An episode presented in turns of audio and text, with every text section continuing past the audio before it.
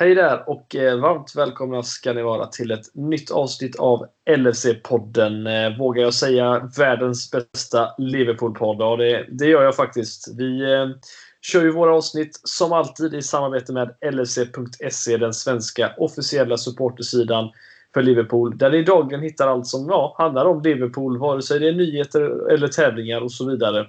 Sen kan man även som sagt skaffa sig ett förmånligt medlemskap och bli en del av den röda Liverpool-familjen. Bara en, bara en sån sak kan jag tycka kan vara värt det. Eh, avsnittet idag kommer att handla om eh, stormötet mot Manchester City som spelades igår, söndag. Eh, vi kommer även summera säsongen hittills fram till dessa, detta landslagsuppehåll vi har framför oss. Och så svarar vi på lite lyssnarfrågor dessutom. Så att eh, det är väl dags att rätta till hörlurarna, göra er redo. Så välkomnar jag in Christian Andersson som ska joina mig, Fredrik Eidefors, att snacka Liverpool i dryga timmen.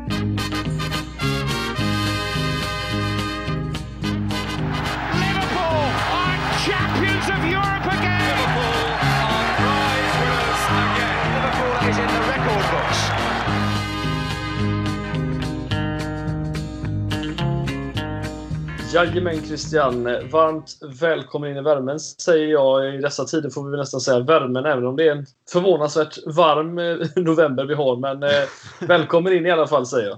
Ja, tack så mycket Fredrik. Ja, det är ju varmt. Jag var ute och sprang på lunchen. Jag jobbar hemifrån så man är inne hela tiden och det är ju varmt i sig. Så jag var ute och sprang och kände att jag tagit på mig för mycket kläder för att det var så varmt när jag sprang. Så att det är lite sjukt faktiskt hur varmt det är för att vara snart liksom vad är vi? En, ja, en drygt en vecka in i, i november. Så det är lite, lite konstigt faktiskt. Sen, men sen kommer väl kylan slå till som det brukar. Men det, det, är alltid skönt att värma sig så här på kvällen en, en måndagkväll som det är när vi spelar in detta och pratar Liverpool med och det mötet som var igår mot City. Så att det, det ser jag fram emot den här timmen som du sa. Mm. Eh, jag ska säga en sak att innan vi eh, kör igång detta avsnittet så loggade jag in på Skype som vi spelar in här och ser att senast du och jag poddade var den 8 mars dagen efter att Liverpool besegrat Bournemouth med 2-1. Matchen som många minns av eh, ja, James Millers eh, rensning på mållinjen. Det, det var andra tider är det. Ja, är det senast som du och jag var Själva? På, på, alltså, oj, oh, tiden alltså. Jag orkar Skype inte. säger det i alla fall. Så det, ja. jag får lita på, på det. Vi litar på källan Skype. Ja, Nej, men det är ju kul att det är du och jag igen här såklart efter sånt här möte som igår också. Men det är också sjukt att konstatera att tiden eh, försvinner så snabbt. Eh, mars alltså. Det, det är inte, vi är inte där ännu, men det går snabbt tills det är året också. Så att, ja, Nej, just, just som jag sa också, andra tider. Jag vet inte hur mycket du kommer ihåg om ja, vi behöver inte prata om matchen i sig, men eh, det var ett tidigt underläge på Anfield, något vi har varit eh, vana med den här säsongen. Och, och, och den matchen vände vi också som sagt. Då var det ju Salah och sen eh, Mané efter van Dijks framspelning där i, i början, i slutet av första halvlek. Men det var en sån här match som man kommer ihåg att det var det var lite ångestladdat för det var, det, det var ingen sån här fin seger vad vi minnas men det var publik på läktaren och det var, det var andra tider som jag sa där. Det var, man saknade det lite va? Det gör man och du får ju rätta mig om jag har fel men är det inte matchen innan allting stängs ner? Det är det nog banne med. Ja, det för mig det. Ja, helt så rätt. Då är det verkligen andra tider. Vi hade ju kommit in i det som eh, är pandemidag utan att riktigt kanske förstå eh, om, alltså, ja, omfattningen av det egentligen. Så eh, här sitter vi idag eh, rätt så länge därefter som mästare också med en konstig säsong som som det blev och nu är vi inne i ytterligare en säsong som är också konstig än så länge på grund av allting runt omkring. Så att nej, andra tider verkligen. Men eh, ja, det är väl bara att fortsätta bita ihop och så ta oss vidare eh, från det som var och det som är och hoppas på en ljusare framtid såklart. Ja, nej men det tycker jag vi, vi ska göra också. Det, är, det är ju, finns ju en hel del att prata om som sagt kring den här matchen mot Manchester City. Även om det kanske inte blev då vi har ju sett, om vi säger så här, om vi börjar med att säga att det har ju varit rätt många bra matcher mellan Liverpool och Manchester City de senaste säsongerna. Framförallt då mellan Klopp och Guardiola. Och även om detta kanske inte eh, ja, slutligen hamnar som en topp 10-lista kanske de bäst spelade matcherna så får man väl ändå säga att den var ganska talande för hur säsongen har sett ut för de flesta. Va? Ja, det har varit väldigt upp och ner och fram och tillbaka för många lag. Så att, eh, det är ju som vi varit inne på tidigare och många andra diskuterar i andra forum med att avsaknaden av publik och Eh, det, det korta uppehållet som det ändå blev när säsongen avslutades mycket senare i somras och kanske inga riktiga ordentliga försäsonger och så är det tight match mellan Premier League och Champions League eller Europa League för de lagen. Så att det, det, händer, det händer väldigt mycket på planen och i, i tabellen som man kanske inte alltid räknar med och vissa matcher blir väldigt konstiga jämfört med hur man faktiskt tror och så. Så vi, vi, får ju se hur den här artar sig den här säsongen. Nu har vi ju varit igång ett tag men det känns som att det kan bli rätt så stora överraskningar framöver också. Även om kanske gårdagens match inte blev så jättestor överraskning. Eh, vissa delar av den kanske. Men vi har ju sett till exempel eh, 7-2 mot Aston Villa men även City förlorar mot Leicester och så vidare. Så att eh, nej, det, det, kan komma bli en intressant säsong just resultatmässigt och vad som händer på planen. Men förhoppningsvis så blir den inte så mycket värre vad som händer utanför planen. Nej, precis. Nej, det är, det är klart att eh, 1-1-resultat eh, kanske inte är så chockerande, men med tanke på målskillnaden, Krille, vi har haft det de tre senaste matcherna. 1-11.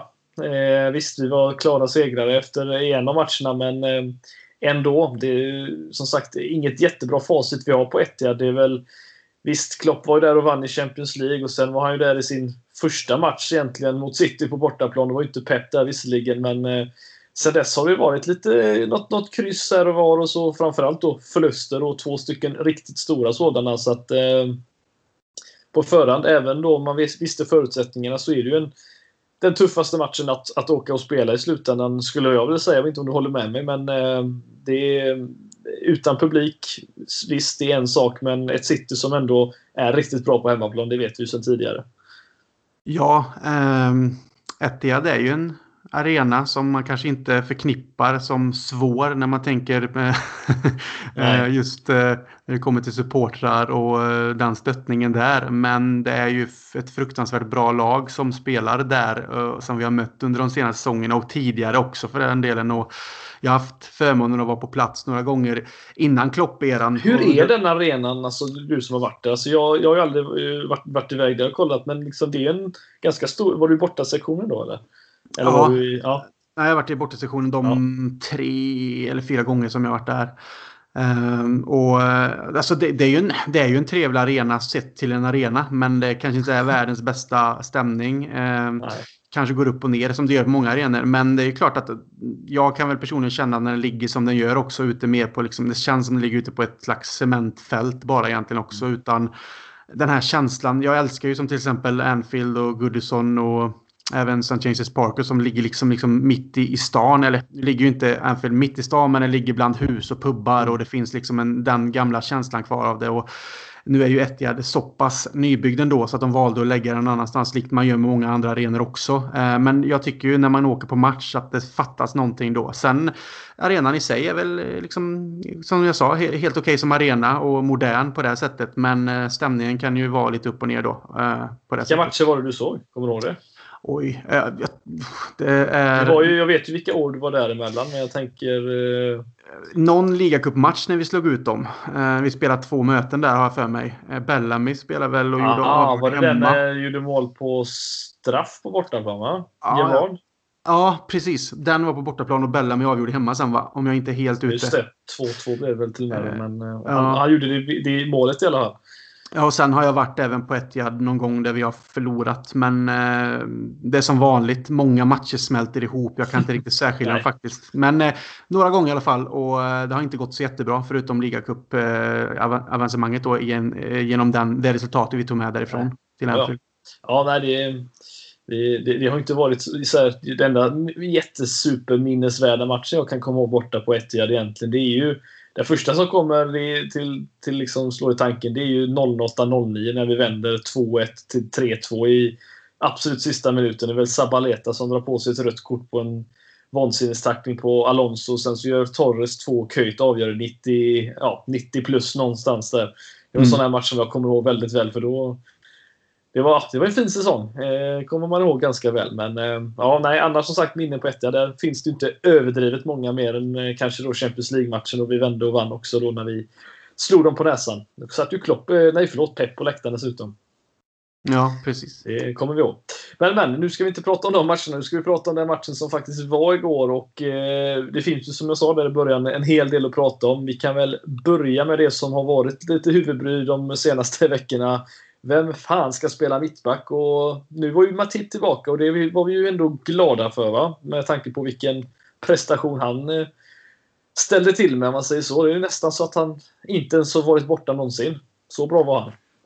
Ja, det är rätt så sjukt egentligen. Sen, sen vet man väl att han... Han, han, han, han gör så ju, ja, men, ja, men sen han har, han har ju fotbollsspelet i sig. Han är ju en duktig fotbollsspelare. Jag tycker han har väldigt många delar i sitt spel som gör han till en, en modern mittback. Problemet för honom är ju hans skador. Att han aldrig är hel mer än två, tre matcher i stöten. Liksom, sen går han sönder och är borta längre än vad man förväntar sig. Man vet inte riktigt vad det är för skada. Man förstår ingenting. Så det är ju jäkligt synd för honom själv. För att han hade säkert haft en otroligt fin karriär på ett annat sätt. Men det är också synd för oss när vi har har en sådan mittback att tillgå. Men eh, han kom in, gjorde ett fantastiskt arbete. Så nu får man ju bara be till de högre makterna att han faktiskt håller sig skadefri. För då har vi ju ändå eh, ett försvar som är jäkligt starkt bakåt på det här sättet. Det, då ska man inte ta någonting ifrån både Nat Phillips och eh, Rhys Williams som har gjort det väldigt bra då i hans frånvaro. Men har vi Matip Gomes att tillgå så ska vi vara jäkligt glada nu när van Dijk är långtidsskadad. Mm. Nej, alltså det, det, det, är helt rätt. Och det, man kan ju säga så att eh, även om vi kanske visste att Matip var på väg tillbaka så, så var det väl inte kanske just det som eh, man höjde på ögonbrynen mest. Det var väl mest kanske då formationsändringen Krille som, som skedde. Att det, jag trodde ju personligen inte att, att Klopp skulle ställa upp med de fyra, ja den kvartetten där framme med Jota då som, ja den gamla kvartetten var ju med Coutinho men nu har vi bytt ut honom och nu är det ju Jota som får räknas in där istället. Men eh, mm. eh, vad, vad, ska man, eh, vad, vad, drar du för slutsatser kring det? Om vi börjar just vid den delen, ser du det som ett genidrag även om inte vi vann då men eh, med tanke på hur vi har spelat det på senaste år? Eller var det bara en enkel lösning att just ha med alla de bästa spelarna på planen? Om du förstår vad jag menar? Jag förstår du menar. Jag, min känsla och, är väl att det egentligen är någon slags eh, mellanting. Men jag tror ju att det är svårt att ställa en Jota utanför startelvan sett till hans form. Alltså en spelare som då gör hattrick i Champions League på bortaplan och har avgjort matcher tidigare i Premier League för oss och kommit in och varit en liksom avgörande faktor. Det, är svårt att fortsätta sätta en sån spelare på bänken för det är ju sådana spelare som oftast flyger fram med det självförtroendet och den formen och kan avgöra den här typen av matcher också. Eh, sen tror jag också att Klopp tar i beaktning att en, en Roberto Firmino är oerhört viktig just i pressspel i ett offensivt försvar om man ska kalla det så. Eh, och erfarenheten av de här matcherna, att han är viktig just för att få spelet och laget att eh, fungera. Sen tycker jag väl också, min känsla sa väl först att Firmino kommer starta före Jota. Men jag, som jag sa, jag tror att det är svårt att ställa Jota utanför eh, en sån här match sett till hans senaste matcher och de mål han gjort. Men sen blev det väl lite en oro från min sida när vi fick se själva uppställningen och formationen. Liksom att man kanske tappar en gubbe på mittfältet då och jag tyckte ju som vi har diskuterat tidigare då mot Sheffield United hemma att vi släppte till väldigt mycket ytor på mittfältet till de som vi annars inte brukar göra när vi har tre på mittfältet och kanske en defensiv då som ligger kvar lite och täcker upp yta och, och vinner boll och så vidare. Så jag var väldigt orolig för det just för att City är ett väldigt spelskickligt lag med duktiga spelare på att driva boll och hitta de här eh, kombinationsspelen, särskilt med De Bruyne då, som är den som är speluppläggaren om man säger så. Så att, eh, jag var orolig, orolig eh, för det inför matchen, men under matchen sen så tyckte jag ändå att vi med våra sittande, om man ska kalla dem det, Wijnaldum och Henderson, gjorde det faktiskt väldigt bra. Jag vet inte hur du såg på det. Kände du en oro just för den delen och tyckte du också att de fyra där framme var rätt att starta eller hade du velat se någonting annorlunda? Alltså, jag blir ju glad. Alltså, jag gillar ju när Klopp... Eh, eh, ja, jag ska inte använda ordet riskerar, för att jag tyckte inte det var så riskfyllt på ett sätt att göra det. Jag tror att han hade en plan och, och planen såg vi ju första, första kvarten. Det var mm. mycket löpningar bakom deras, eh, deras mittbackar som också är, får vi tillägga, ett, en nykomponerad mittbacksduo i Diaz och Laporte. Och, får ändå säga att när du har två stycken spelare som hela tiden kan gå i djupet som det var då i det här fallet med ibland då Jota men också framförallt var det väl eh, Salah och Firmino som startade där framme eh, och, och turades om lite hur vem som droppade och vem som gick i djupled. Så mm. om vi får använda då svenska ordspråket de ställde frågor till backlinjen då förstår nog alla vad, vad man menar. Eh, för det gjorde de och det tog ju bara, vad var det, en var det inte ens en minut in och så hade ju Firmino egentligen ett friläge som en Firmino i högform kanske lobbar över målvakten eller går förbi med en bra touch. Eh, nu blev ju inte så fallet, men jag tyckte ändå första 15 eh, minuterna var ju en sån här... Har vi någonsin spelat så bra på, på bortaplan mot ett topplag. Alltså det var ju en sån där jättefrenetiskt bra första kvart där vi verkligen eh, eh, stod, stod rätt i försvarsspelet. Eh, slog deras första press i form av att vi vi, vi skick, sket i mittfältet mer eller mindre uppspelet och vi gick raka vägen till, eh, till de fyra där framme och det funkade ju väldigt bra. Eh, men sen får vi ju säga då att om vi, ja, vi kanske inte ska gå allt för långt fram men kan vi säga det att det blev ju också lite fallet i slutet av första halvleken med tanke på att de verkligen då sitter utmanade och utnyttjade att vi bara hade två stycken sittande mittfältare. Därav målet som kom till, ska vi tillägga. Men eh, vi kanske ska börja med att säga att eh, första kvarten och att vi får ett mål åtminstone är ju väldigt positivt. Vi får utdelning. Eh, Salah återigen på, på straff och eh, Mané gör precis som han alltid gör. Som jag påpekar tycker han är riktigt, riktigt bra på. Han går in framför sin försvarare. Mm. Och eh, då är det oftast, eh, även om det var som sagt en lätt touch, så så måste han sätta fram benet nästan sådär dumt, eh, Kyle Walker. Och så är det straff, men eh, fantastiskt om man är som sagt som just alltid vågar ta det steget in och, och ta en smäll om det nu sker, för då vet han att det är, det är straff eller så är han förbi. Ja, jag håller med det du säger om vi börjar med de här inledande 15 minuterna. Och jag kan väl lägga, eh, lägga till där också att jag tyckte också det var intressant med de här fyra offensiva spelarna. Jag tyckte ju ändå att någonstans att Firmino skulle spela den här matchen, men även Jota. Så jag är ju glad över att Klopp valde att göra som han eh, nu gjorde. Och eh, intressant blev det ju också, som du säger. Och vi fick ju igång det här spelet offensivt. Jag tyckte det såg väldigt energiskt och kreativt ut de första ja, 10-15. Och det är ju där innan den eh, tidsintervallen som också målet kommer via den här straffen. Och jag håller med dig i det du säger angående Mané med. Han är fruktansvärt vass på att ta sig förbi på det sättet och eh, gör ju så att Walker egentligen tvingas till att agera på något sätt. Annars är han ju egentligen igenom och kan avsluta själv. Så att straff är det. Eh, Sala slår en straff i målvaktshöjd men stenhård så att jag tror inte att eh, Ederson hade ta tagit den även om han hade gått tidigt. Vi har ju diskuterat det tidigare det här med att han lägger sina straffar lite i den där höjden man inte ska. Antingen får man lägga det pressat vid backen lågt eller högt i, i, i maskorna då så, så att säga. Men jag tycker ändå att den här är så pass eh, säker och vass. Det är som tryck i den så att det, man såg nästan när han slog den att den, den här tar han nog inte ändå. Men eh, straff, mål, eh, härlig ledning och de första 15 minuterna där var ju fantastiska. Man kan väl säga så här att eh, jag vet inte om det var, var det kvällen innan som eh, Adama Lookman stod för säsongens absolut mest, alltså den oh, Alltså få straff i 98 borta mot West Ham och försöka med Panenka. Alltså, du ska, du ska antingen heta Zinedine Zidane och ha den kylan för att kunna göra det i en VM-final. Liksom. Alltså, eller så gör man inte bara. Alltså, det, det, det, är så enkelt och därför är jag ju glad att Salah då som jag fortfarande står fast vid är en, en osäker, en, en grymt osäker, en grymt bra men osäker straffskytt på ett sätt. Eh, står eh, och gör så han gör. För det är som du säger, det är ingen eh, no mercy där utan det är bara rakt in och han hinner ju knappt reagera. Ederson så snabbt eh, får mm. han in den. Så att, nej, det är ju en, det är en, det är en bra placerad straff så sett. Det får man ändå igenom. Men eh, frågan är om man, eh, är, man, är man lite girig om man säger att man eh, hade hoppats på lite bättre utdelning i den första 15-20 med tanke på hur bra vi faktiskt var? Kanske lite, men samtidigt så, nej, fast samtidigt så ser jag din poäng i det. Jag tycker ju också att vi liksom någonstans, som du inledde med där också, att vi ställde de här frågorna till deras försvarslinje. De såg inte alls med och var med på tårna och lite förvirrade ut. Och det kan ju också ha att göra med, som du säger, de här två mittbackarna nu med Diaz och Laporte som är relativt nya tillsammans. Och, och Diaz ska komma in i Premier League-tempot och allt det här. Han kommer ju från portugisiska ligan och Benfica. Så att jag menar, det, det är inte alltid så lätt. Och sen har vi de här vindsnabba, liksom kreativa spelarna som springer in och ut och särskilt när de här fyra nu helt plötsligt också.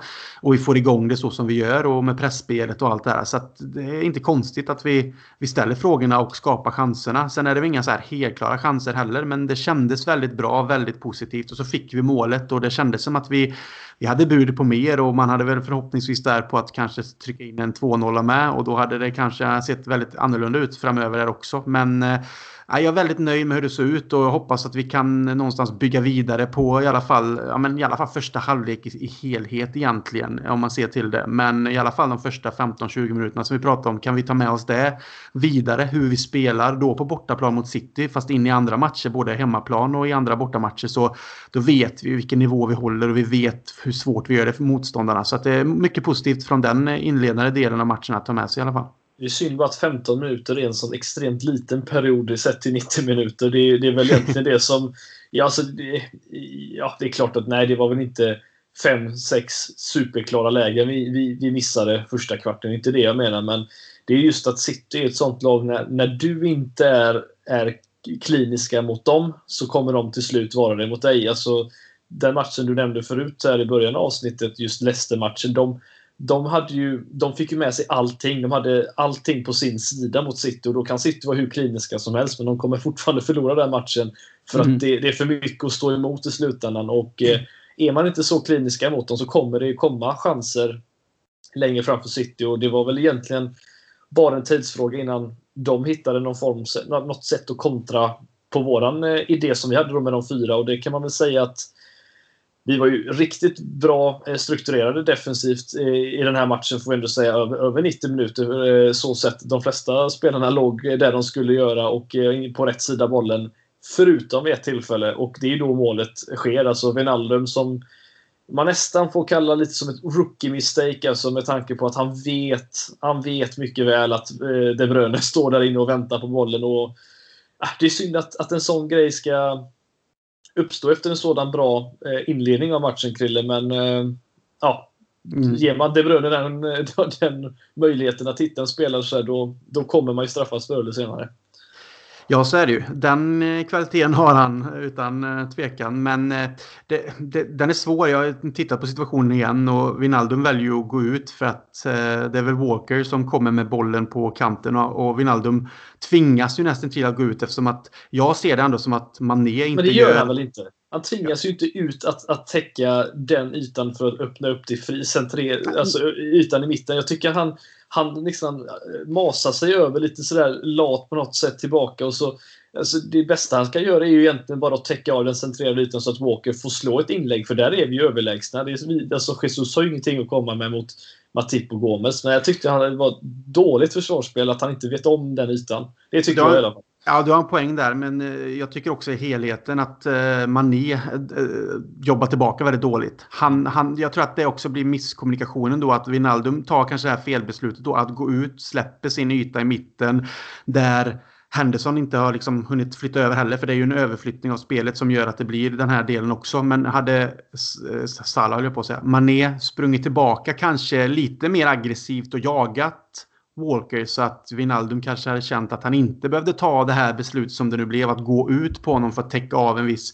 eh, liksom det här inlägget eller att han skulle kunna driva in ännu mer fritt med bollen. Så jag, jag tycker att det är en kollektiv del i det där också. Att eh, det är lite lat av Mané att inte ta jobbet hemåt i det här läget. Men jag håller med dig i det också såklart att Wijnaldum släpper ju den ytan väldigt eh, tydligt och kanske felaktigt med. Så det, det, är en sån där sekvens som sagt där City får flytet, får med sig bollen, vi är inte riktigt med och så blir det felbeslut och så får de in den centralt till De Bruyne som då är livsfarlig och hittar den här passningen in till Jesus. Så att helheten där tycker jag är att det är dåligt försvarsspel från, från helheten. Men jag, jag ser din poäng i att Wijnaldum kanske inte tvingas ut men ändå tar det beslutet på grund av att han kanske får en fråga i huvudet. Vad, vad gör han? Och han väljer att gå ut helt enkelt.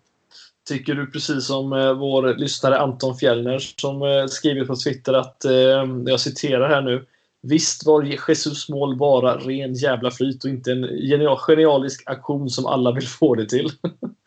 Jag vet, den är svår. Det är ju inte Bergkamp-klass som Nej, de visar i Viasat-studion. För där ser man ju hela vägen hur han menar att göra den där. Det är att helt de ens jämför den, det målet med det här. Alltså, jag förstår att han vill ha bollen dit, men att han på en touch vill få den förbi Trent på det sättet, det har jag väldigt svårt att se att han vill jag, mena till. Det jag, jag, tror att det finns en tanke, men att... Det är inte det, så bra. jo, men jag tror att det finns en tanke att försöka göra någonting. För, alltså, menar, det, det kanske finns, men att han också lyckas lyckas med det konststycket i den situationen. För det är ju ändå rätt så eh, tajt ändå där inne. Men jag tror att det är något halv, halvting helt enkelt av det som lyckas gå hem i det här fallet. Så att eh, eh, någonstans vill han ju göra någonting. Annars så blir det ju inte det. Men sen att han faktiskt klarar av att göra det också i den situationen när det går så snabbt och han har Trent vid sig. Så att eh, han, han, han tänker något tror jag och så har han lite tur att få med sig den också. Sen ser det ju jävligt snyggt ut när han gör det såklart. Men eh, som sagt, eh, någonting däremellan som han lyckas få, få igenom den här gången. Och så avslutar han ju faktiskt snabbt med, med vänsterfoten va, som gör att han faktiskt får tån först på bollen där också. Så det är rätt så starkt anfallsmål ändå tycker jag av honom, trots att det kanske är lite tur i det hela. Så att, jag, jag, drar gärna, jag drar hellre jämförelsen med Jimmy Traorés självmål i FA-cupen borta mot Luton var det, eller vilka var det? När han, när han ska klacka. Jag kommer inte ihåg vad han ska göra, men ett av de ja. fulaste och vackraste självmål jag någonsin sett. Det är, nästan så att vi ska lägga upp det på Twitter här och säga vilken, vem, vem gjorde det snyggast. Ja, alla, ja, precis. Nej, jag tyckte han gjorde det. Han menade mer än vad Jesus gjorde. Det är väl det jag vill få fram här. Ja. Eh, nej, men som sagt, oavsett, då, de får ju man kan ju säga att City kontrade ganska bra med just att hitta de här ytorna eh, flera gånger om. Nu blev det ju inte särskilt mycket, mycket av det förrän ja, i slutet av halvleken. Då kommer De Bruyne där igen fri på, på kanten i det här fallet. Och, ja, säga vad man vill om, om handsituationen och liknande, men eh, när man har armen så där ut, visst den träffar armbågen, men eh, vi har ju sett att eh, jag hade ju skrikit straff om det var åt andra hållet eh, och då får man väl göra det nu med. Vad, vad har du att säga om situationen? Ja, jag hade ju också skrikit straff eh, om det hade varit åt andra hållet. Eh, sen är det väl kanske hans regeln i sig man ska diskutera och se på i så fall om man ska börja liksom, diskutera den biten. I det här fallet så är det inte så mycket eftersom att regeln är som den är nu och, och man kan granska det och sånt så, så, är det ju straff. Det är liksom inte så konstigt. Men jag tycker också att det, i den normala fotbollsvärlden om vi ska tänka så hur det var förr så är, om man ser till det och kan ändå se repriser så är det ju en väldigt hård straff också. Det går så jäkla fort så långt in mot kroppen är ju det som stör mig lite. Ja, och sen är det ju en sån projektil så att han, ja. han hinner ju inte reagera och det blir ju. Det är inte så att han håller ut armen långt. Han, han gör ju faktiskt allt för att få bort armen, men det går så fort så att han, han tar ju inte ut armen och vill stoppa den utan han försöker egentligen hålla ihop armarna mot kroppen men hinner inte med för att det går så fort och då kan man ju diskutera. Är det då en, en, en, eh, vad säger man, en, en, en hand som är vad säger man, frivillig eller man kallar det liksom att han väljer att göra det. det. det. är väl inte det här fallet men eftersom att handsregeln nu är som den är och var finns så får man ju någonstans finnas i det. Men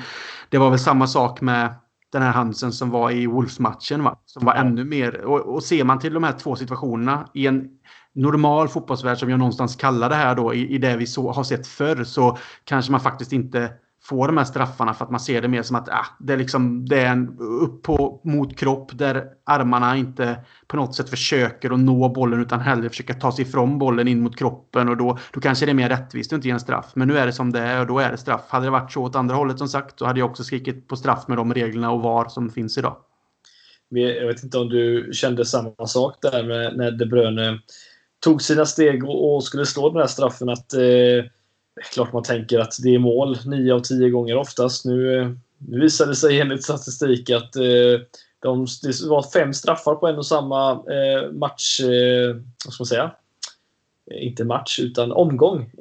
Men tre av de fem missades faktiskt, vilket är ganska sjukt får man väl ändå säga. Och nu missade den dessutom mål och det kommer du väl ihåg senast en spelare gjorde i Premier League, va? Som missar mål? Som missar mål senaste spelaren? Ja, det vet jag inte, men kan det vara en Mares när han sköt över kanske? Helt inte. rätt. Två ja. år tidigare. Då, ja. då gjorde han samma sak. Ja. Nej, men min, min känsla då var väl i alla fall att jag tänkte väl att ja, här blir det 2-1 och så och så sitter tillbaka och så rinner det iväg. Men eh, ibland så behöver man den lilla turen. Att, eh, och det man kan säga att skönt psykologiskt att få den innan halvtid. Att inte gå in med 2-1 för det hade ju varit eh, Absolut. riktigt, riktigt jobbigt att behöva jobba sig tillbaka. För det efter det, den straffmissen så känns det som att hela matchen på något sätt gick ju i en, en, en väldigt låg växel. Va? Gjorde inte det? Det var väl inledande kanske i andra halvlek också, första 5-10 kanske, som man någonstans kände igen matchbilden från första halvlek. Men sen så mattades det av därefter och det kändes mer som att båda lagen, eh, visst man skapade lite chanser här och där och båda lagen eh, försökte någon gång men sen också börja safea lite mer. Vi, Kanske glömde det nu i första halvlek däremot att Jesus fick ju ett nickläge också som var... Um... Ja, det var i andra halvlek. Var det andra halvlek? Ja. Okej, okay, ja. Absolut. Då är vi ändå där. Eh, du ser Då är vi där. Man, man, man, allting följer inte med. Men eh, ja, eh, det är ju det läget de skapar också då kanske som är eh, ett läge som man, man också där tror att nu är det mål. Liksom. Det, det kändes så. Han får så pass lång tid. Men han missar ju också målet med den nicken. Och sen så har vi väl någon chans också där jag tycker till exempel att Jota hade förhoppningsvis fått iväg en mer klinisk träff han på bollen. Men den, han hade två Wijnaldum-skott som jag skulle kalla det. Det vill säga Bra bollar som exempel. rullar fram till målvaktens skopa ungefär. lite så, lite Frej Ljungberg. Ja, Eh, nej, men jag håller med. Där hade man ju lägen där man tänkte att trycker Jota till här nu så är det stor chans att det blir mål. Men han får inte träff och det blir de här Wijnaldum-rullarna som du kallar det. De, det blir liksom en strumprullare och målvakten kan plocka upp dem. Och, och tar man inte vara på de chanserna när de uppstår mot lag som City då, då vinner man heller inte de här matcherna. Utan det gäller att man är klinisk. Och nu var inte de det och vi var inte det i slutändan heller. Så att eh, någonstans blir väl 1-1 i det här fallet rättvist. Och som Liverpool-supporter borta på där är man ju jävligt nöjd ändå. Sett till att de missar straff också. Ja, alltså, jag, jag var lite så här, eh, Det fanns många såna här eh, många konstiga tankar som slog mig efter den här matchen. Det första var ju verkligen att jag var jätteglad för en poäng. Jag hade tagit det alla dagar i veckan på förhand. Det tror jag de flesta människorna hade gjort. Eh, samtidigt så kände jag att det här är första gången på många år som City var de var inte särskilt eh, kreativa, jättefulla av energi och, och då kan man ju tycka att det är då man kanske ska ta vara på den chansen och kanske gå på ett vinstmål och försöka lite mer än vad vi kanske gjorde i andra halvlek. Eh, mm. Men jag, å, and, å, andra, jag ska säga, å andra sidan, då vet vi vad det kan innebära. Och det innebär ju att vi hamnar i den situation som vi är i nu och det är att vi får skadade spelare för det slits mer. Eh, och, och, det är väl lite så att med, dem, med facit i hand då, så, så är ju verkligen som du säger 1-1 är ju ett rättvist resultat. Men lite jobbigt kan ändå slå mig att det är en sån match som i vi skulle kunna ta vara på om vi hade varit lite mer kliniska. Då, då hade man gått härifrån med åtta poängs ledning mot City och en vinst istället där inför landslagsuppehållet. Det hade varit lite andra förutsättningar. Ja, så är det ju. Och, ehm, alltså, jag, tycker någonstans ändå, likväl som de har sina chanser, så tycker jag ändå att vi, vi har några chanser där vi, som sagt, att vara klinisk. Jag menar när ehm, Mané går förbi, det är väl Walker igen va? Och han går förbi och kommer in i planen och lämnar över till Salah som sen eh, gör en överlappning till Trent som lägger på ett skott där. Eh, I, i, liksom en, annan, en annan dag så får inte Edson tag i den bollen och, och Jota gör mål där. På där liksom så här, eller att faktiskt Trent får den rakt igenom på mål. Det är också sånt där liksom att otur. Det är skitsnyggt anfall och man kommer igenom och man får ett avslut som faktiskt skulle i många, i många andra fall bli mål. Eller att Jota då som jag sa plockar upp bollen och faktiskt gör mål. Men nu, nu är det inte marginalerna där och när Jota sen som vi sa skjuter och inte får iväg bollen och eh, fanns något mer läge. Då, då blir det ju så här. Och då, när man då summerar det tycker jag då, då får man ändå vara nöjd med att man inte förlorar matchen. För att de hade ju också sina chanser att sumpa dem. Då får man någonstans känna så här att okej, okay, vi, vi hade kunnat göra fler mål. Då hade de också kunnat annat och är ändå borta mot City en av de svåraste matcherna så eh, då är jag ändå nöjd med att ta poäng sett till att vi har förlorat där så många gånger tidigare. Eh, sen är väl det tråkiga kanske är ju rapporter som kom här nu att eh, Trent ser ut att vara borta upp till fyra veckor då. Så ja, eh, de, de, är ju rätt så färska nu såg jag. Kom ut här på, på Twitter och i andra här, nyhetsflöden här så eh, ja. ser det ut som att han eh, upp till fyra veckor väntar. Då är det väl en, en, en vadskada, en vad som har... Mm. Jag har inte läst vad det var men han satt ju och höll sig om vaden så jag antar att det är någon muskelskada i vaden helt enkelt då som gör att han blir, blir borta. Så jag tänkte bara nämna det här nu när vi ändå är inne i andra halvlek där han blir mm. skadad. Ja, men det, det, det, det tar ju så in som sagt på på lite eh, just ämnen som vi tänkte diskutera här under matchen, eller efter matchen för den delen med. Men eh, det är ju som sagt mycket slitage nu. Vi märker att eh, spelare helt enkelt, eh, de slits mycket. Det är många spelare som inte alls ser ut att komma upp i den nivån som de eh, ja, vi normalt sett eh, sett dem. Sen finns det sådana här monster som Mané och Salah som aldrig ser ut att blir trötta på något sätt och bara fortsätter som de gör. Men eh, ja, nu får vi ytterligare en skada på en, en jätteviktig spelare och eh, vi kan ju säga att vårat, eh, våran skadelista har inte varit jättesnäll den här säsongen, Krille. Det, det är en sak som är säker. Och den ser inte bättre ut nu. Nej, så är det ju. Man tittar på att det inte har gått så långt på säsongen och vi pratar nyckelspelare i Liverpool som varit, har varit, varit skadade eller är skadade och nu blev skadade. Så att det har ju varit en rätt så lång lista eh, och det glömmer man av eh, rätt så fort också. Och, och, då får man ju också se det för vad det är och vara väldigt nöjd med att vi ligger där vi ligger. För att det hade kunnat vara värre. Först med en Alisson borta och vad det ändå innebar under en tid där. Och sen van Dijk som blir borta antagligen hela säsongen. Och Matip har varit borta. Eh, nu är Trent skadad. Henderson har varit... Liksom, det är många viktiga spelare men vi har ändå lyckats plocka mycket poäng. Och Champions League-spelet har vi tagit tre raka och allt det här. Så att när man ser på det och zoomar ut och ser skadelistan och tänker på vart vi ligger i tabellen och de resultat vi ändå lyckats få med oss, då får man ändå vara jäkligt nöjd och hoppas att med det här uppehållet nu så blir det lite vila. Även om det är landslagsspel får man väl hoppas att det är lite, eh, vad ska man kalla det, lite mercy från, från landslagsledarna och inte spela alla spelare på det sättet som vi hoppas att de inte ska göra såklart, så de får sin vila och återhämtning också. Det, det är den här säsongen och det, det, du pratade om det här med att de går sönder. Nu gick ju Trent sönder som nästan till aldrig skadad. Jag, jag tänkte ju mycket på Eh, får man väl hylla dem också. Även om vi pratar om att Wijnaldum kanske gjorde misstag där vid målet. Så eh, tycker jag att Henderson och Wijnaldum sprang något kopiöst och täckte eh, otroligt mycket ytor på mittfältet också i matchen igår. Så det är ett under att ingen av dem faktiskt också dras någon muskelskada, en, en baksida lår eller någonting. Så att jag, jag satt och var orolig, särskilt man såg Henderson ta de här maxlöpningarna både framåt och i defensiven så kände jag att fan det, det är lätt att det kan dra någonting där men de är lite av maskiner vissa av de spelarna även om de också ibland kan vara småskadade så ser man alltså vilka fysiska monster de är. Men kanske först och främst Mané och Salah som du nämnde här. Tror du vi får se en, eh, en, en förändring här efter landslagsuppehållet med att vi det kanske blir just det med fem byten det har diskuterats som Klopp och Pep var väldigt tydliga med efter matchen att eh, de inte riktigt kan förstå. För det känns ju inte riktigt som att det är en det är ingenting någon förlorar på särskilt mycket, eh, känner jag. Eh, alltså, Premier League kan ju inte förlora på att det görs två mer byten. Det är ju bara bättre spelare som håller längre. Det, det är ju en win-win situation som jag ser det. Jag, är helt, ja, jag la ut en Twitter idag på morgonen här när jag såg klippet på Pep och jag eh, skrev att jag håller med fullständigt. Jag tycker det är helt Alltså, jag är helt oförstående till att det inte är fem byten sett till eh, situationen vi är i nu med, med, med hur det var förra säsongen eh, och den fick avslutas senare och den korta försäsongen och det tajta matchandet som är nu. Så när alla andra europeiska ligor verkar liksom kunna ha det här och skydda då spelarna på det sättet, det var ju det Pep var inne på med och jag håller med om att det gör ju att fler spelare kan få mer vila och få mer rotation och att man får större möjligheter som lag och det gör ju egentligen att man då ja, skydda spelarna som i det här fallet är eh, arbetarna om man ska kalla det så.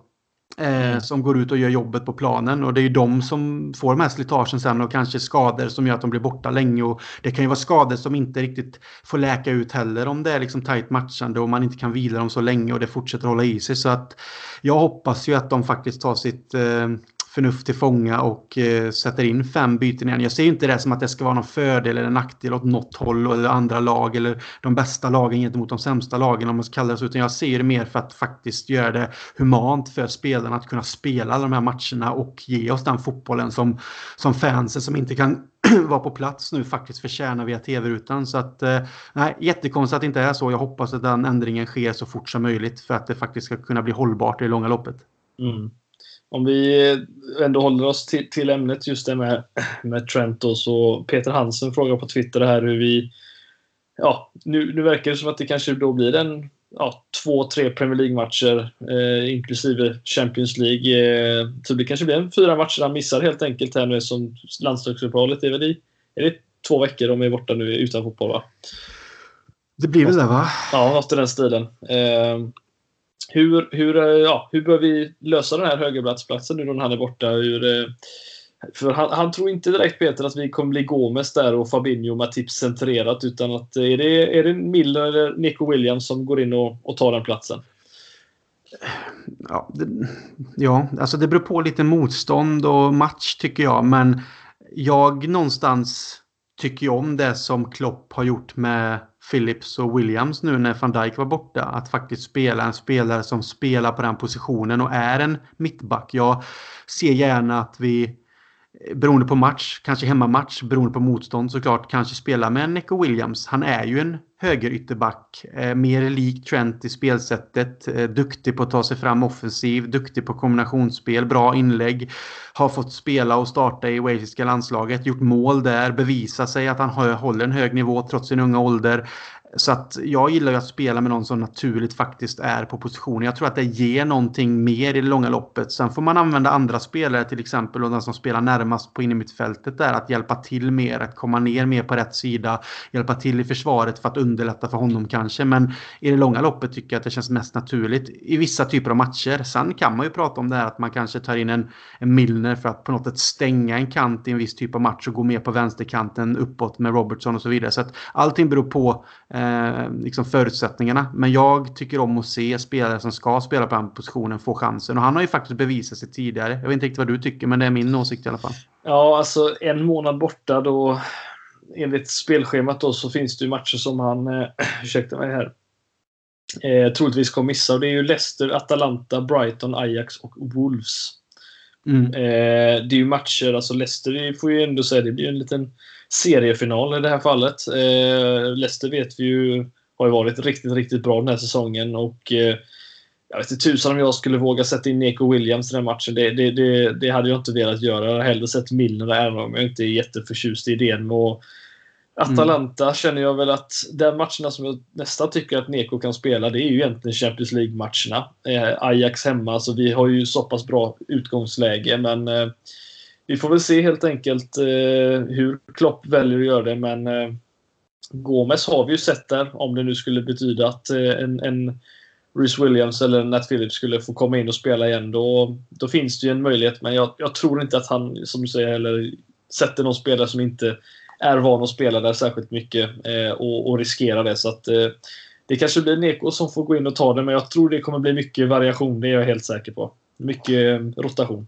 Ja, och det alltså, bli, kommer Fabinho tillbaka från sin skada och det krävs att han går ner eh, och spelar mittback och man flyttar ut Gomes. Så det är också ändå en försvarare som har spelat där förr, som kan positionen. Om man nu inte vill, kanske han, han är ändå okej okay offensivt utan att på något sätt säga att han är nära eh, Alexander Arnolds kvalitet där. Så har han ändå spelat där förr och vet hur man hanterar positionen. Och till exempel har vi då en Fabinho som har gått ner. Då har vi förhoppningsvis en Thiago tillbaka som kan ta en mittfältsplats och så vidare. Så det går att laborera och hitta lösningar. Men i vissa typer av matcher tycker jag nog om att spela en sån offensiv pjäs som Nico Williams för att skapa den eh, Alltså den delen av vårt spel, att komma upp på kanterna, båda kanterna, att ställa frågor igen då, som vi nämnde till, eh, till motståndare. Men sen håller jag med till exempel mot Leicester som som ett duktigt kontringslag som har duktiga fotbollsspelare i laget också. Att där kanske man får avväga om man hellre vill säkra lite och så vidare. Så att som jag sa, det beror lite på motstånd och match. Men jag tycker väl ändå om att man någonstans har alternativet nu när Trent är borta. Att man har någon spelare som ändå liknar han lite i sättet att spela. Se till hur vår helhet av spelet kan, kan eh, få eh, positiva effekter av det. Ja, Nej, det är helt, jag håller helt med. Så vi, vi, får se här vad, vad landslagsuppehållet eh, innebär när vi är tillbaka. Men eh, på, på svara på just några som har ställt frågor så ja, Thiago Fabinho verkar ju vara tillbaka efter landslagspausen som är här nu och eh, det är till och med så att någon gång här i november så förväntas Oxlade Chamberlain vara tillbaka. Eh, dessutom eh, sen lär väl han spelas in väldigt försiktigt vare sig han kommer tillbaka efter landslagsuppehållet direkt eller om det är i slutet av månaden. Det, vet vi inte riktigt än men eh, ja, det är en, en, borta, två tillbaka är väl ungefär det vi kan säga just nu och eh, sen är ju mm. Trent mm. våran våran kreatör där bak, eh, Robertson, har väl visserligen kanske varit en bättre spelare den här säsongen eh, overall, men eh, vi förlorar ju en hel del på, på, på att ja, tappa just bort den kreativ, kreativiteten som eh, Trent erbjuder. Det är ju en sak eh, som är säkert. Ja, han, han har ju... Det han har är ju såklart sina frisparkar. Det är alltid farligt när vi får bra frisparkslägen. Och sen har han ju en fantastisk förmåga att vända spelet med sina svepande passningar rakt över till Robertson till exempel. Eller ut till en ytter också rakt över diagonalt. Så att han är ju en, en, en som du säger, en, en um, spelkreatör fast från högerbacksplats så kan han ju styra spelet därifrån och det är inte alltid, det är inte jättemånga som klarar av det. Så att nej, det kommer bli ett avbräck. Men jag hoppas ju att med som vi pratar om där, de ersättarna som kan gå in och med en både Fabinho och Thiago tillbaka så har vi ju ändå en defensiv pjäs som skulle kunna gå ner eller som spelar på mittfältet med men också en bollkreatör på mittfältet som vi inte har sett så mycket av än som man fortfarande vattnas i munnen på när man tänker på att han förhoppningsvis är med mot ett Leicester och det tror jag kommer höja eh, vårt lag ännu mer. Så att eh, Trent borta, skittråkigt men också positivt att en Thiago förhoppningsvis är tillbaka eh, framöver och att det kan höja vårt spel från mittfältet också. Mm. Ja, nej det är... Eh, det, ja, vi får se helt enkelt vad, vad som händer. Det är skönt att få tillbaka några spelare i alla fall. Sen, eh, sen går man ju där och, och, bara drömmer, Krille. Jag vet att det inte är realistiskt, men eh, att man drömmer att vakna och se en tweet att van Dijk är tillbaka i träning i början av december. Men ja, vi lär inte se honom mer den här säsongen ändå. Så det, det är, bäst att, det är bäst att ställa in sig på det. Skulle det ja. bli något annorlunda då kan man stå där och dricka champagnen. Men eh, man håller sig lite mer i bakgrunden där och, och tänker att det, det, värsta har hänt och att det får ta sig sin tid för att han ska kunna komma tillbaka fullt ut nästa säsong istället. Men han kanske inte kommer spela så mycket säsonger men är han tillbaka och tränar före tidsschemat om man säger så och det visar sig vara positivt så eh, får man ju glädjas såklart. Ja, Nej, håller helt med. Vad, eh, ja, nu har vi som sagt det här landslagsuppehållet som, som stundar och eh, jag tänker att det kan väl vara lite passande att vi gör en liten snabb summering här första matcherna som har varit där eh, första delen av säsongen. Vad, vad, vad vi har att säga om den helt enkelt och vi kan väl börja med att dela upp det just i Premier League och kan säga, ta med Champions League vid sidan om också. Men om vi tar ligan i sig då Krille och en delad andra plats tillsammans med Tottenham på 17 poäng. Vi har ju Leicester som Ligger etta på, på 18. Eh, som vi som sagt möter i nästa match. Vad, eh, ja, hur, hur, skulle du, vad skulle du sätta på eh, poäng för den här säsongen? Vad, hur, hur, bra har den varit hittills? Jag tycker ändå att sett till eh, det som har skett med ja, skador och fortsätter ske med skador nu som vi såg med Trent och det vi fick se eh, gällande van Dijk och den långtidsskada det blev så får vi någonstans ändå säga att det har varit en eh, väl godkänd säsongsinledning. För om man ändå tänker på att vi förlorar mot Aston Villa med de siffrorna som vi gjorde. Eh, vi gick ifrån Merseyside-derbyt med den känslan som det var med både skadan då och det här eh, målet som sen dömdes bort för offside av någon jävla konstig anledning som någonstans hade gett oss ytterligare två poäng då. Eh, så tycker jag ju liksom att vi har haft ett tufft spelschema med Arsenal, Chelsea.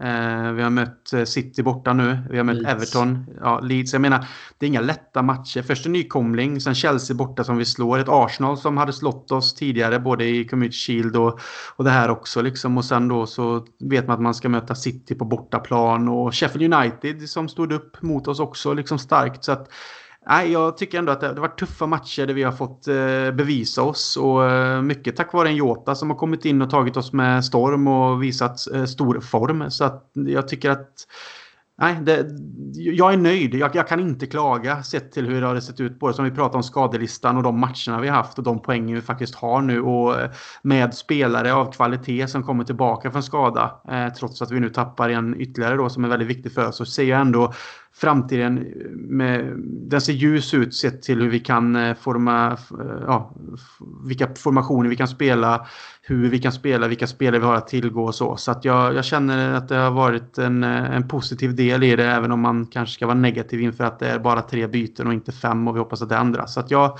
jag ser det så. Jag vet inte hur, hur du ser det. Är du negativ eller positiv? Jag, jag känner ändå att positiv, positiviteten tar över i det här fallet för mig. Ja, nej men alltså jag, jag har inget negativt alls att säga egentligen. Jag tycker det är... Eh, jag, jag ska vara helt ärlig och säga att med tanke på hur mycket det känns som det har gått emot oss den här säsongen så är jag extremt förvånad men också extremt imponerad över att vi ligger där vi ligger. Visst, vi kanske har släppt in mer mål än vad vi borde gjort och ja, vi släppt in näst, tredje mest mål i hela ligan. Vi har samtidigt gjort bland de nästan flest mål i hela ligan också. Så det, det, det, är en sån himla konstig säsong, det vet vi. Eh, men just med att vi har gått igenom det vi har gjort. Vi har haft då en van Dijk som skadat sig och ja, i matchen efter att vi då åker på däng med 7-2, vilket aldrig någonsin händer. Eh, mm. Och så just då att man därefter då inte får med sig de här tre poängen mot Everton som man, som man borde ha haft eh, i slutändan. De poängen hade gett oss, då hade vi väl legat, ja nu kan man inte kanske säga så för vi vet inte vad som hade hänt i de andra matcherna men vi skulle haft tre poäng efter eh, med oss från Goodison och det är en sak som är säker. Och, och sen vänt många matcher. Vi har legat under på hemmaplan och mot Arsenal, Sheffield och West Ham ska vi tillägga. West Ham-matchen tycker jag är en sån match som vi mm. jag kände i den här situationen vi är i den här säsongen så kände jag att det där är en förlust. Det blir vår första förlust sedan Sam Allardyce 2017. Liksom. Det, det, det, är en sån säsong nu helt enkelt. Men vi vänder oss och, och lyckas ta tillbaka det och sen ja, om vi ska blanda in Champions League då så trodde jag inte alls med de här skadorna och allt som vi haft att vi ska ha nio poäng och noll insläppta mål efter tre matcher och dessutom då den mest imponerande segern är ju borta mot det svåraste laget i gruppen. Det, jag måste säga att jag är riktigt imponerad och samtidigt väldigt förvånad över hur bra det ändå har gått, får vi ändå säga. Vi, eh, det har ju pratats om en kris och det kändes det väl som att det var efter matchen mot, mot Aston Villa. Men Klopp gjorde lite små förändringar. Det ser vi ju framförallt nu mot matchen mot City och liknande att det är inte lika mycket backlinje vid mittlinje utan det är, det är många steg bakåt, många meter. Man har eh, startat längre ner med försvarslinjen och det har gett resultat. Det, vad är det, sex matcher nu utan van Dijk och vi har släppt in tre mål på de matcherna. Det är, ja, vi har gjort det som krävs. Det är det vi kan säga. De har löst, de har spelat bra efter förutsättningarna. Vi kanske inte har tagit ut oss fullt men vi har fått med oss poängen och det är, jag tror att det är det hela den här säsongen kommer att handla om. Få ut ja. så mycket som möjligt för varje ja, för varje liksom meter man tar. Man springer nästan, det, det känns så. Jag får väl korrigera mitt väl godkänt till MVG då istället. nej, men... ja, nej, alltså jag, jag, jag ser det som sagt, ta ett lag som Leicester. Ja, de har slått eh, City och de har ja, spelat Europaspel och sånt där. Så de har ju också riktigt imponerat. De har visserligen förlorat två matcher den säsongen och vunnit sex. Så att, eh, men det ger dem ju då 18 poäng ändå. Och Tottenham som ja, flugit fram med Kane och, och, och, och Son där framme men som också tappat jätteonödiga poäng och ändå är där de är. Men de har inte alls känns som att de har utsatts för samma eh, motstånd som vi har gjort. Det är väl egentligen bara vi och West Ham som har mött riktigt, riktigt bra lag den här säsongen. Eh, hittills haft det riktigt svårt. Nu är ju Tottenham, nästa match är ju faktiskt mot City så att då mm. finns det ju några poäng att ta ihop där förhoppningsvis. Men eh, ja, det är eh, jag, jag, kan inte säga någonting negativt den här säsongen. Jag tycker allting känns positivt vad vi har fått ut av det med tanke på just skadorna och eh, ja, all varskit som har varit. Var eh, en av de lagen som har fått emot oss var ganska mycket den här säsongen och ändå så ligger vi där vi ligger. Så det är, eh, det, är, det är bara att lyfta på hatten för Klopp och hans, hans gubbar för det här har vi gjort väldigt bra sett i förutsättningarna. Ja, så är det. Och eh, det är väl därför man får någonstans korrigera till MVG, även om jag tror folk förstår mig när jag säger väl godkänd. Det är ju mm. liksom över förväntningarna sett till skadorna eh, och de typer av matcher vi har spelat eh, och det motståndet vi har haft och när man har tappat släppt in ett mål i början och fått vända matcherna och så vidare. Så det, det, är klart som fasen att vi måste vara nöjda. Det går inte att säga någonting annat. Och jag är jättenöjd att vi sitter på Eh, delad andra plats just nu. Även om, och vi möter ju Leicester sen efter landslagsuppehållet och allt det här. Så att, det är ju bara att hoppas som sagt att det blir lite ändringar med bytena, att vi får tillbaka spelare i gott slag från skador och att de andra nu då som Trent eh, också får komma tillbaka och att vi slipper fler skador framöver. Det går ju det går aldrig egentligen slippa men som sagt kan vi få in de här fem bytena så kanske det kan bli lite som sagt större rotation och och mer vila för vissa spelare som gör att inte de här förslitningsskadorna uppstår. Och då hjälper man ju spelarna och man hjälper kvaliteten i spelet och det blir också mer publikvänligt från tv-soffan då i det här fallet. Så helheten eh, får man väl någonstans se att kan man gå framåt därifrån så ser det ju spännande ut. Och eh, när vi som sagt summerar även Champions League så är det fantastiskt att vi har tagit tre vinster och är typ klara. Så där kan vi ju rotera lite också för att skapa vila för spelare när vi satsar på Premier League sen då. Så man får väl ändå se det för vad det är och vad det har varit och se att vi är med i toppen och vi är eh, jävligt bra i de stunderna som vi är riktigt bra. Och kan vi fortsätta klicka på det här sättet och vi får in en Thiago som alla egentligen bara väntar på ska få vara med och diktera mittfältet så ser det ju väldigt, väldigt positivt ut för framtiden också. För han, han kommer och det har vi redan sett glimtar av, men han kommer att höja hela vårt spel. Han kommer diktera tempo, han kommer hitta instick, han kommer, kommer slå de här fina bollarna ut på, på Mané och Salah. Han kommer kunna lägga in bakom backlinje och allt det här. Så att, eh, det var bara frustrerande när han också fick smällen mot Everton att man inte fått se honom mer. Eh, mm. Men nu så mot Leicester så kanske de får bekänna färg här då, Leicester, när han kommer in förhoppningsvis och och börja styra och ställa. Så att, nej, det ser ljust ut och jag ser fram emot att det här landslagsuppehållet, även om det kommer i ett bra läge för att få lite vila, så vill jag också att det ska vara över fort som fan så att vi får tillbaka Premier League-fotbollen sen. Ja. ja, ni hörde det som sagt. VG till MVG från Christian och eh, jag gav det nog ett MVG redan innan så att eh, bra resultat och bra ja, bra så att säga, summering helt enkelt av hur det har sett ut helt enkelt. Det är, det är det vi tar med oss in till landslagsuppehållet som, som stundar här och så får vi väl se Krille om vi dyker upp här i, i poddformat under landslagsuppehållet om det händer någonting som är värt att ta upp helt enkelt. Men eh, annars så fram tills dess så tycker jag väl att vi säger tack för idag och eh, säger att tack för att ni har lyssnat och eh, så ses vi eh, kanske snart, eh, snar, snarare än vad vi tror kanske. Det är väl så vi kanske ska säga. ja, eh, annars så eh, får vi sitta här och prata om ett landslagsuppehåll. Det känns inte direkt som det är någonting vi vill göra. Nej, jag tror att vi, vi är tillbaka när det krävs helt enkelt. Och vi kör på lik Liverpool kör på. Så att det kan ni räkna med utan problem. Jajamän. Bra, men tack Krille för att du var med mig idag. Tack för att ni har lyssnat och så hörs vi snart igen.